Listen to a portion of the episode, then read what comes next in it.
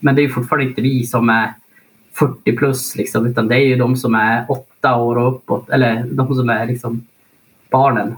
Det, det är för dem vi bygger. Välkommen till Logistikpodden. Om logistik, transport och supply chain management. Lo lo lo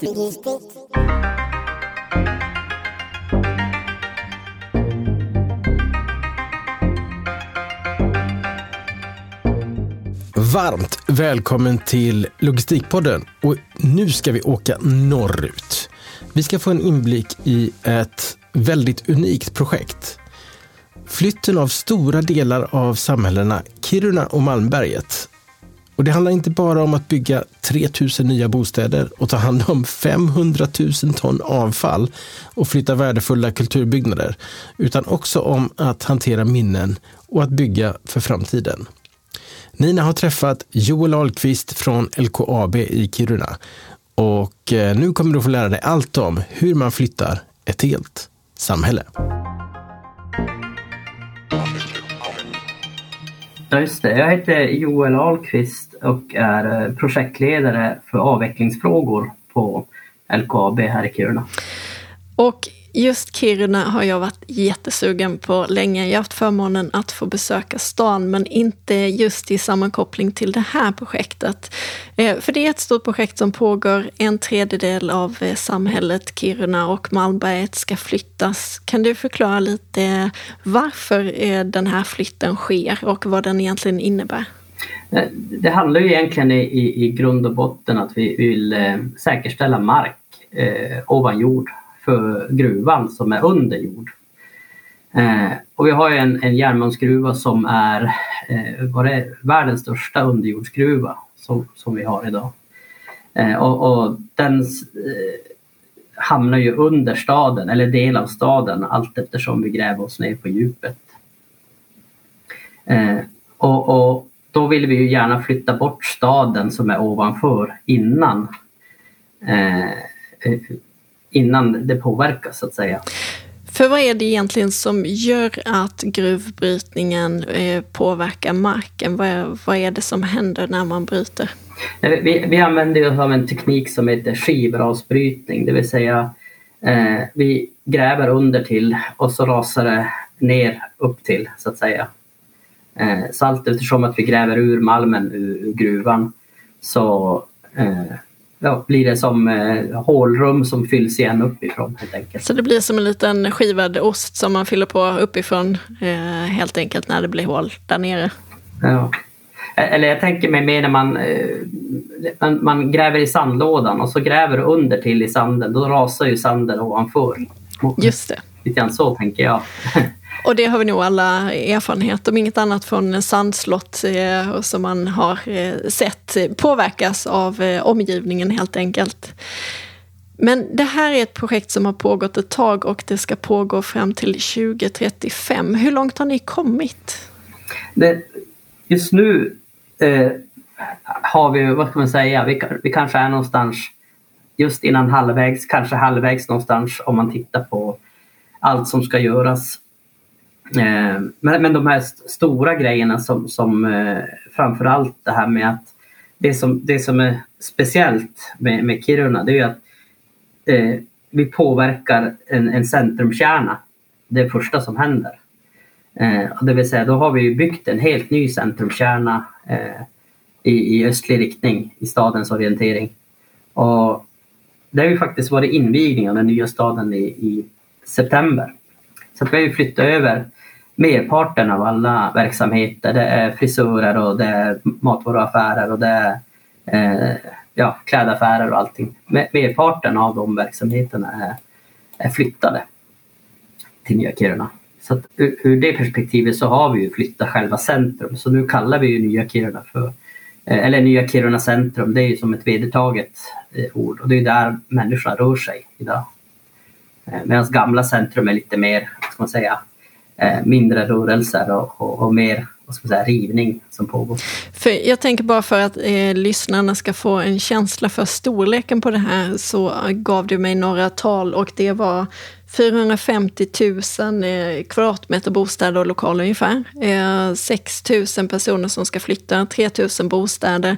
Jag har egentligen aldrig varit med om något liknande stort projekt. Där jag varit var i Christchurch på Nya Zeeland, men då hade de ju haft en jordbävning som gjorde att man också behövde bygga upp staden på nytt. Eh, och i samband med den typen av händelser så har jag sett det, men inte så här men jag tänker när man, eh, när man är uppväxt med gruvan som granne, det här med att få ett nytt centrum, det kan ju både vara en härlig nystart men också att man saknar eh, det gamla. Hur, hur har diskussionerna gått eller hur har mottagandet varit på den här nya staden? Eh, alltså, vi, vi har ju gjort eh, ganska mycket så undersökningar och, och, frågat vad vill, vad vill Kirunaborna ha? Eh, och, och, en, en sån där grej som, som jag kommer ihåg det är att eh, gamla Kiruna centrum var ganska utspritt. Det var väldigt otydligt eh, vad som var. Vad är centrum i gamla centrum? Och, och, då kunde man ju fråga eh, olika Kirunabor och fick olika svar. Eh, men men eh, nu är det ju ganska tydligt. Nu har vi de här nya kvarteren 7, kvarter 8 och kvarter 9. Eh, och så bygger vi kvarter 6 också. Eh, och det är jättetydligt och eh, allting är väldigt nära varandra och, och det gör ju att du eh, Alltså när du kommer till stan och ska handla, låt säga på Systembolaget, då blir det automatiskt att du går igenom och, och eh, kanske passar på att handla på andra butiker samtidigt. Så var det inte riktigt i gamla stader utan man var tvungen att ha ett mål till varje butik. Sådär. Eh, så jag tror att eh, framförallt för de som äger butiker och, och handlarna Eh, jag tror det är de som har fått en mycket, mycket bättre förutsättning idag att driva sin verksamhet än vad man hade i gamla Kiruna centrum. För det som jag tycker är väldigt spännande med det här projektet är ju både omfattningen men också att det faktiskt innehåller många olika delar. Både det att man bygger nytt men man ska också riva och jag vet att ni eh, försöker återbruka en hel del material. Vad är enklare än ni hade förutsett och vad är, har varit svårare? Eh, alltså enklare. Jag tycker nästan allt är svårare. Alltså, så ju, ju, mer, ju mer kunskap du har om, om, om ett ämne, det kan ju vara vad som helst, då inser man ju komplexiteten i allting. Eh, men, men, men det absolut största utmaningen det är tillgång till mark. Eh, och, och, det är ju egentligen, det gäller ju alla gruvor, det är, det är ju det är vår största, vad ska man säga, det är vårt största behov, det är tillgänglighet till mark. Eh, och, och och det är där som har varit ganska mycket utmaningar eftersom att vi är ovanför trädgränsen här i Kiruna. Och sen har vi massa riksintressen. Vi har ju eh, riksintresse för rennäring, vi har kulturhistoriskt riksintresse.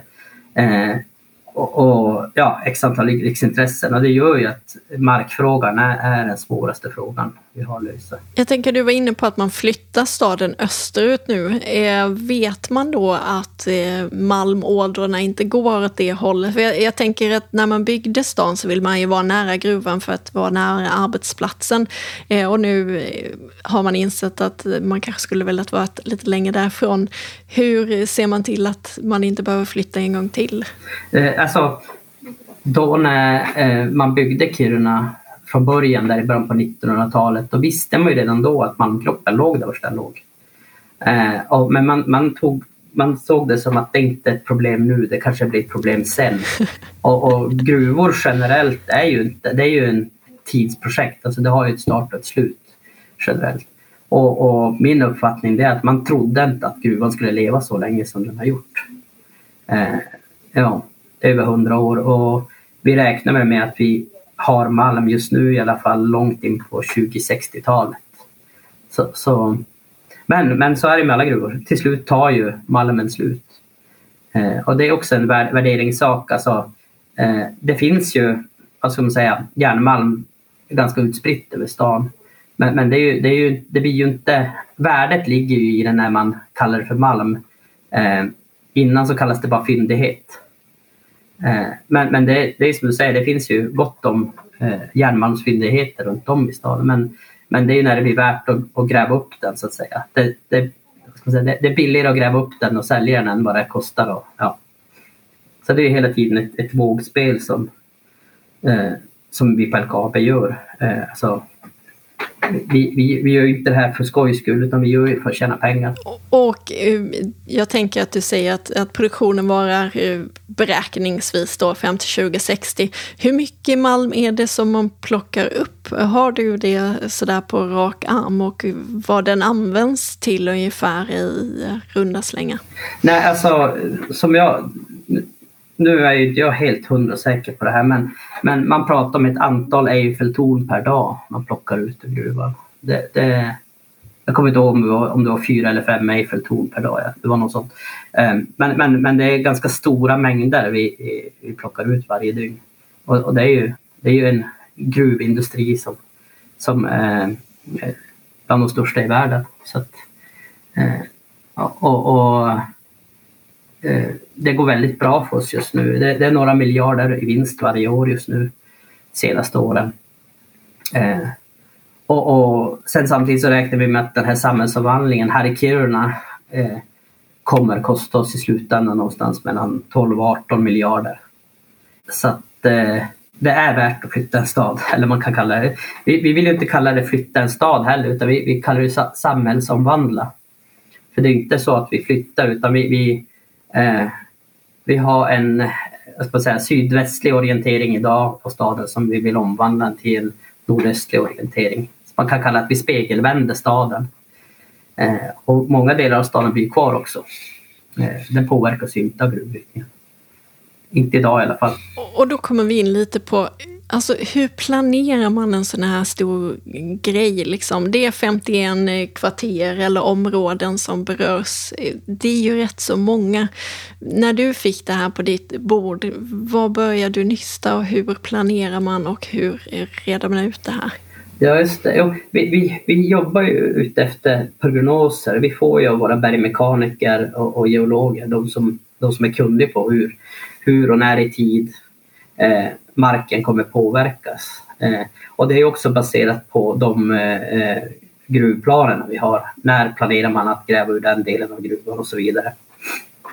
Och, då har jag ett underlag där man ser på de här prognoserna. Och utefter de prognoserna vi får från bergmekanikerna eh, så, så omvandlar vi då det till vad ska man säga, samhällsomvandlingsprognoser.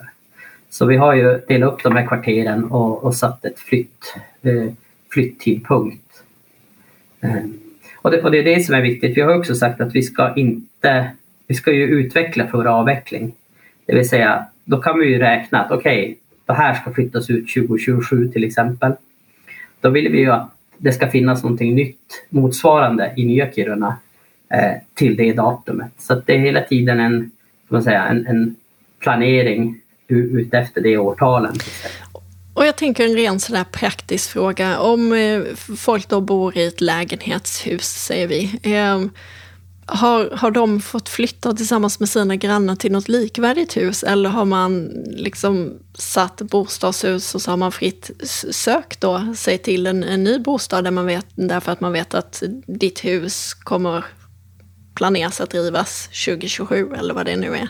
Eh, när det gäller sådana här typ eh, det är liksom två olika frågor. Alltså, när det gäller bostadsrätter kontra hyresrätter. När det gäller hyresrätter då har vi ett eget fastighetsbolag. Och allt eftersom att vi, vi har ju köpt bland annat väldigt mycket fastigheter från Kiruna kommun och från olika privata. Eh, då gör vi om det till hyresrätter. Och så har vi det i vårt eget bestånd inom LKAB Fastigheter. Eh, och sen allt eftersom eh, så bygger vi nytt åt LKAB Fastigheter till exempel eh, i, i Nya Kiruna. Och då flyttar ju de över allt eftersom. Och det behöver inte vara så att du hamnar bredvid när, den grannen du har idag och så där, utan, utan det är ganska spritt. Och sen är det också en del vill ju ha lyxigare och finare. Och kanske andra livssituationer och kanske vill gå ner från en trea till en tvåa helt plötsligt och sådär. Så att allting är ju en, alla har ju en egen dialog så att säga. Eh, eh, och sen när det gäller eh, bostadsrätter eh, så har vi lite olika, vi, vi, har, vi kallar det för ersättningsmodell. Det vill säga du kan antingen välja, eh, eller det är bättre att använda villor som exempel i det här läget. Det är att du, du kan eh, välja en ny villa på en ny plats eller så kan du välja att få pengar. Eller så kan du välja ett mellanting, att du kanske vill lägga till grejer på villan som, som eh, ja, istället för ett enkelgarage vill du ha ett dubbelgarage i framtiden. Ja, då har du möjlighet att lägga till det om man vill göra så.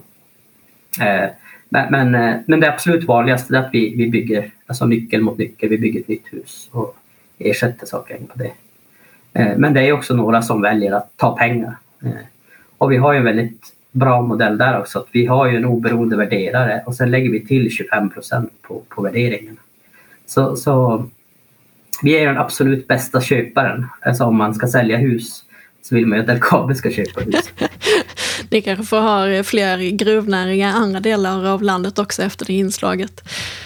Eh, men jag tänker, förutom det som eh, byggs nytt och rivs, så flyttar ni också ett antal kulturbyggnader bland annat. Eh, och en del av det har man ju fått se på tv. Jag tror att det var någon kyrka som rullade genom stan. Och bara det i sig är ju en fantastiskt projekt tänker jag och svårt att planera. Hur involverade har ni varit i det eller har det varit något specialföretag som har skött den delen av projektet? Mm. Ja, vi, vi, vi, har ju, vi har ju en leverantör som vi upphandlat eh, som, som gör det här. Eh, men, men vi, vi, har inte flyttat någon kyrka än utan vi har bara flyttat flerfamiljshus än så länge. Eh, vi ska flytta kyrkan 2025. 2025, så det är då man ska vara på besök och få se det här? Ja, vi, vi har flyttat ett 20-tal hus i dagsläget i Kiruna. Men vi har också flyttat eh, en mängd hus i Malmberg också.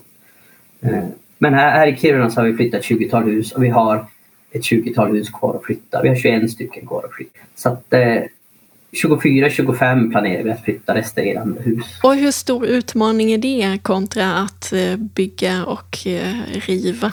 Eh, nej, alltså, det, det, här är också, de här kulturhistoriska husen som de kallas, det är också det är ju en process bakom det där vi tillsammans med Länsstyrelsen och kommunen har pekat ut vilka av de här byggnaderna eh, Dels är de flyttbara, det är en fråga, men sen också eh, vilket kulturvärde ska vi ta med? Ska vi välja det eller det huset så att säga?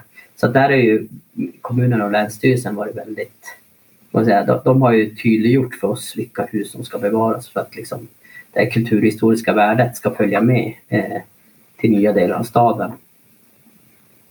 Eh, och då har vi kommit fram till de 40-talet byggnaderna i den processen. Eh, och som sagt, här, ungefär hälften av dem är flyttade i dagsläget. Det känns som att det är väldigt många personer och olika parter involverade i det här. Både för att komma in med, med kunskap, till exempel om vilka byggnader som ska bevaras eller när man förväntar sig att eh, ändringar i marken ska ske. Men också bara en sån sak som att matcha ihop någon boende med en ny bostad och så vidare. Hur många är ni som jobbar med det här projektet just inom LKABs eh Eh, inom LKAB är vi ett 40-tal ungefär eh, som, som jobbar på, med samhällsomvandlingsfrågor. Men, men sen har vi ju, nu vågar jag inte säga, vad jag än säger så säger jag fel, men vi har x antal eh, underleverantörer, vi har konsulter och vi har entreprenörer som vi tar in för stöd och, och sådär. Och för entreprenaderna så att säga, rivningsentreprenaderna och, och nybyggnadsentreprenaderna. För när var det, om man säger hur lång tid innan ni eh, började med själva arbetet att faktiskt riva och bygga och flytta var det som ni började planera det här? Hur länge har det pågått? Eh, vad var det, 2004? Eh, så, att, så att vi är 18 året nu. Eh, och jag har ju själv inte varit med. Jag, jag, jag började jobba här 2019. Så att, eh, det, det, det, här är ju väldigt eh, säga, jag, jag är ju fortfarande färsk jämfört med, med några av mina kollegor som har jobbat eh, tio år, kanske mer än det. Jag tänkte, du skrev också lite om det här med avfall, att man förväntar sig ungefär 500 000 ton avfall, men att väldigt mycket av det ska kunna återvinnas. Hur har man jobbat just med återvinningsfrågan? Eh, nej, Eh, alltså man säger man ungefär, vi är någonstans uppe i 98 procent återvinningsgrad i, i våra entreprenader. Eh, och det är någonting vi är väldigt stolta över. Eh, men eh, nu har jag inte alla siffrorna exakt men, men eh, eh av de här 3 procenten då pratar vi om asbest och sånt där som inte går att utan det måste hanteras separat. Men när det gäller just eh, betongdelar av byggnader, de krossar vi och, och bygger, alltså vi, vi använder materialet från byggnaderna eh, som fyllnadsmaterial i, i det vi kallar för gruvstadsparker, det som vi lämnar efter oss eh, innan gruvan påverkar så att säga. Eh, och sen, och sen eh, eh när det gäller trä och sånt där som eh, är brännbart så, så eh, har vi ju energiåtervinning, alltså fjärrvärme. För jag tänker också på de eh, områden som ni lämnar då, det vill säga river och eh, flyttar ifrån. Vad händer med dem framöver? Alltså det, det, ju, det går ju som i flera steg. För, eh, första steget är ju att eh, vi river byggnaderna och sen eh, eh, av det som är kvar återställer vi till det vi kallar för gruvstadspark. Eh, och sen får det vara en parkmiljö i några år innan vi lyfter upp industristängslet. Så att, eh, det är ju som en naturlig, vad ska man säga, en grön buffert mellan staden och gruvan som, som den här grusåsparken är. Då. För det är ju sagt också att ingen ska ju behöva bo bredvid ett stängsel. Eh, och, och det, det, är ju det här sättet som, som vi har lyckats lösa det på. Eh, eh, men, men det är också Eh, det är också i avtal vi har skrivit tillsammans med Länsstyrelsen och med kommunen. Eh, det är när vi, när vi eh, gör, gör om de här stadsmiljöerna till gruvindustri i detaljplanen. Och, och, då, måste vi, då har vi ett avtal där som styr hur vi ska göra det. Så att säga. Och där, där är ju den här gröna bufferten som något slags skydd mellan staden och gruvan. Och det är också en fördel att ha en parkmiljö för oss för att vi eh, Dammning, gruvan dammar ju tyvärr eh, och, och, det är ett sätt att bli av med dammning också genom att, genom att ha grönska. För att ge en liten inblick i projektet, du som sitter på, som projektledare, hur eh, finns det någon normal vecka och eh, vad är det då för saker som händer eh, på ditt jobb? Oj, eh, det var en jättebra fråga. Nej, nej, men eh, en normal vecka, eh, det är väldigt mötesintensivt för vi sitter ju Eh, vi har ju mycket nära samarbete med både eh, kommunen, vi har ju Trafikverket och sen andra delar av vår organisation som, som, eh, som vi jobbar tillsammans med. Så att, så att eh, väldigt mötesintensivt, eh, en mötesintensiv vardag. Så man sitter mycket framför datorn. I alla fall i min roll.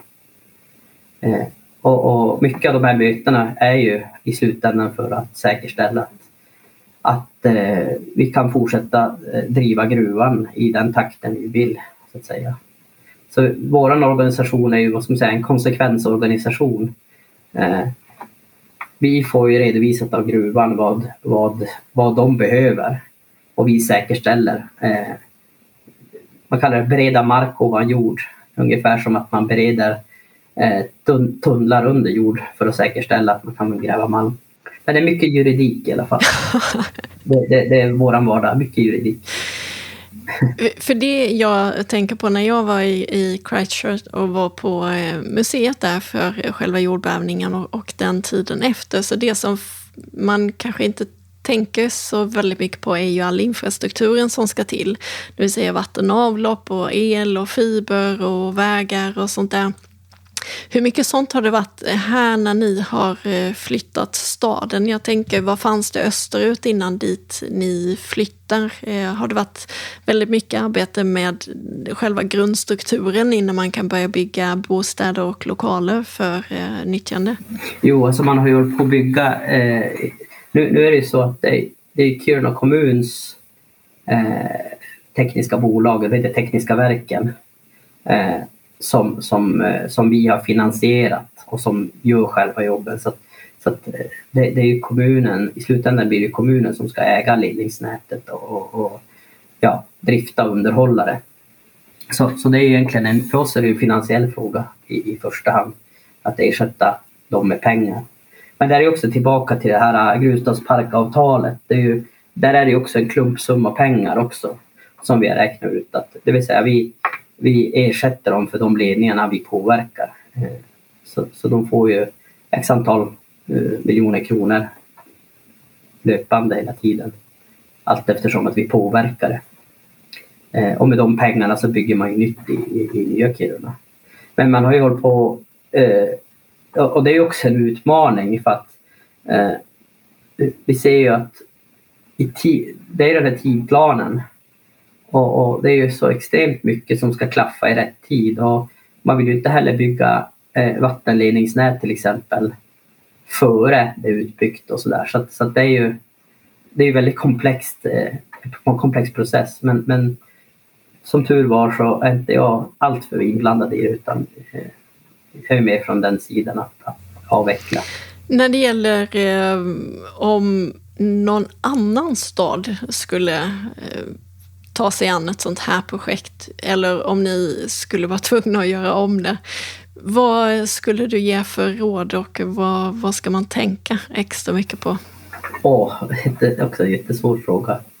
Eh, men, men jag tror att, att gemensamma tidplaner mellan alla parter är, är otroligt viktigt. För, för, för det har vi sett här i, i Kiruna att, att eh, eh tidplanarbetet, det är oftast där som ligger grunden till, till eh, liksom, eh, när i tid saker ska komma i marken. Eh, för som vi har, vi har ju en, en utflyttningstidplan men vi har ju aldrig som haft en inflyttningstidplan i det nya utan, utan man har ju hela tiden försökt ad hoc säkra upp marken och, och så även då säkerställa så att det byggs infrastruktur till, till de här olika kvarteren som vi utvecklar i Kiruna. Eh, så, så, så, tidplaner. Och har ni haft något eh, speciellt verktyg? Jag, jag tänker på byggarbetsplatser så har man eh, mer och mer eh, digitala verktyg för att kunna följa upp det här eller lite mer avancerat just när det blir väldigt många parter som är inblandade och väldigt många tider att hålla reda på. Eh, hur har ni gått tillväga? Eh, vi har ju jobbat lite grann med, med som Trafikverket brukar, det här med skedesplanering. Det vars man kan med hjälp av kartlayouter se och så kan man ha en tidsaxel också så kan man se tidsaxeln kontra eh, utvecklingsplanen så att säga. Så att det, det, har varit ett otroligt bra verktyg att jobba med eh, som vi har jobbat mycket med på senare tid. Men, men eh, tidigare har vi jobbat klassiskt med, med tidplaner, alltså eh, en, en, olika linjer som man lägger under varandra som en eh, klassisk tidplan. Men, men man, det är svårt att få överblick för, för om vi till exempel har eh, 500-600 rader i den tidplanen då blir det ju väldigt svårt att eh, få ihop det. Men, men, vi har ju haft konsulter och sådär som har hjälpt oss med de där frågorna. Så att, eh, det, det, det, har varit en utmaning men, men jag tycker att vi ändå hittills har vi lyckats. Vi, vi, vi ligger före. Vi, vi, vi, vi bygger mer än vi avvecklar och, och, det är ju hela tiden det som är som huvudmantrat. Att utveckling går före avveckling. Jag tänker de här enorma mängderna då, för vi pratar om 500 000 ton massa då, eh, eller avfall som hanteras på ett eller annat sätt. Hur mycket material har man varit tvungen att ta in till Kiruna och hur mycket har man varit självförsörjande på, på det sättet? Alltså vad har projektet gett upphov till för flöden ut och in och kontra i Kiruna och Malmberget? Eh, alltså eh, när det gäller material så, så eh, eh alltså det, det, det här eh, rivningsmaterialet, rivningsmassorna, eh, det, det återanvänder vi i marken. Alltså det, det, går ju tillbaks till marken så att säga. Men, men eh, det är ju självklart att vi måste ha tills, tillskott av material. För att, som till exempel nu så är det ju väldigt mycket eh, stadsmiljöer som vi avvecklar. Och det är ju betongrent. Det är ju det är väldigt lite grönska i de områdena. Så, så till exempel eh, matjord och morän och sånt där måste vi ju flytta in så att säga.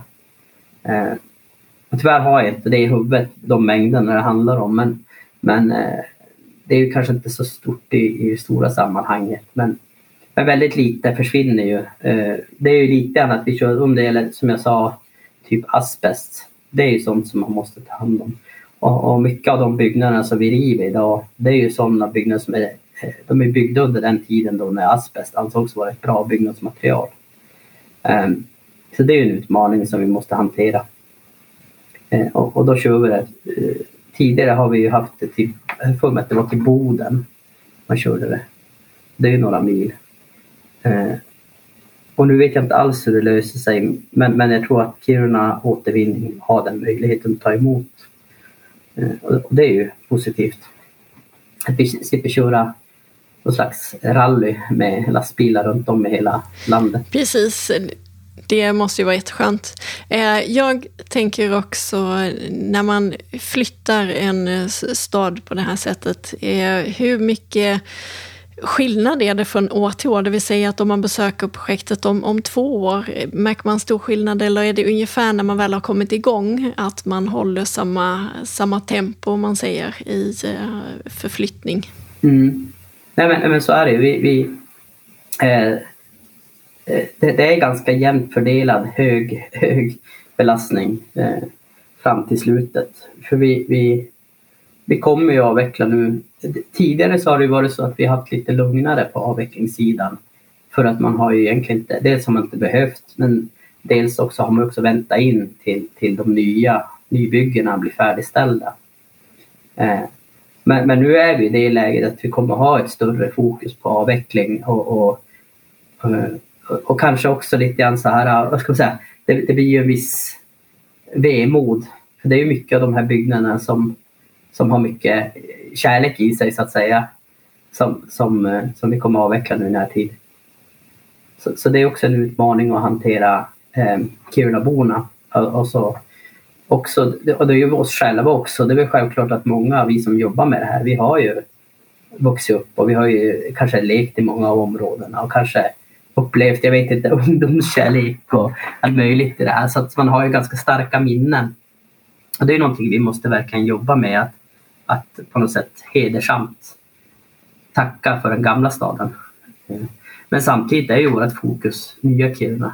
Eh, och, och, det är ju jättespännande med allting nytt också.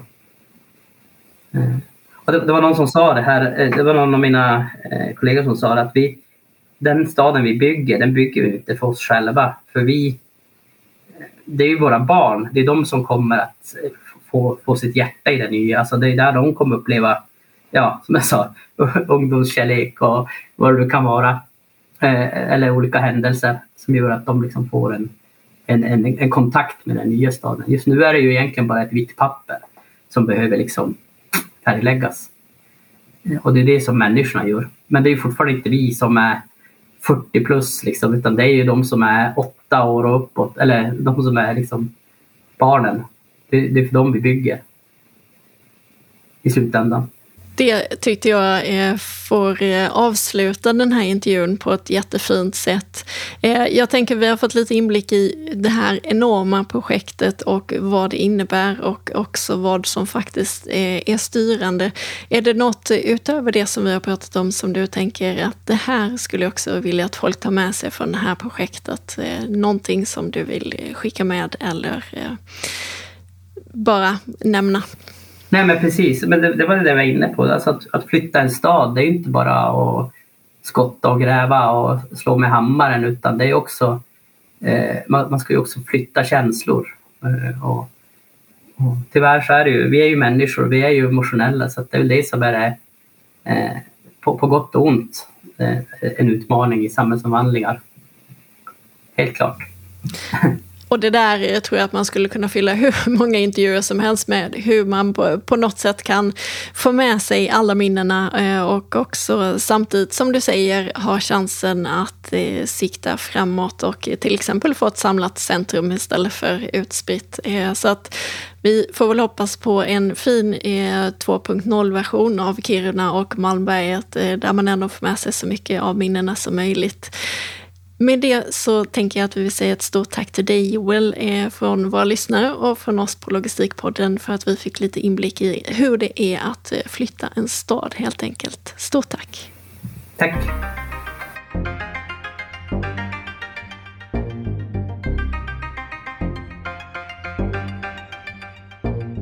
Varmt tack för att du har valt att lyssna på Logistikpodden. Vad tyckte du om det här avsnittet? Följ oss på LinkedIn. Där kan du också gå in och kommentera och diskutera vidare med andra logistikintresserade personer. Så missa inte det. Vi ses där.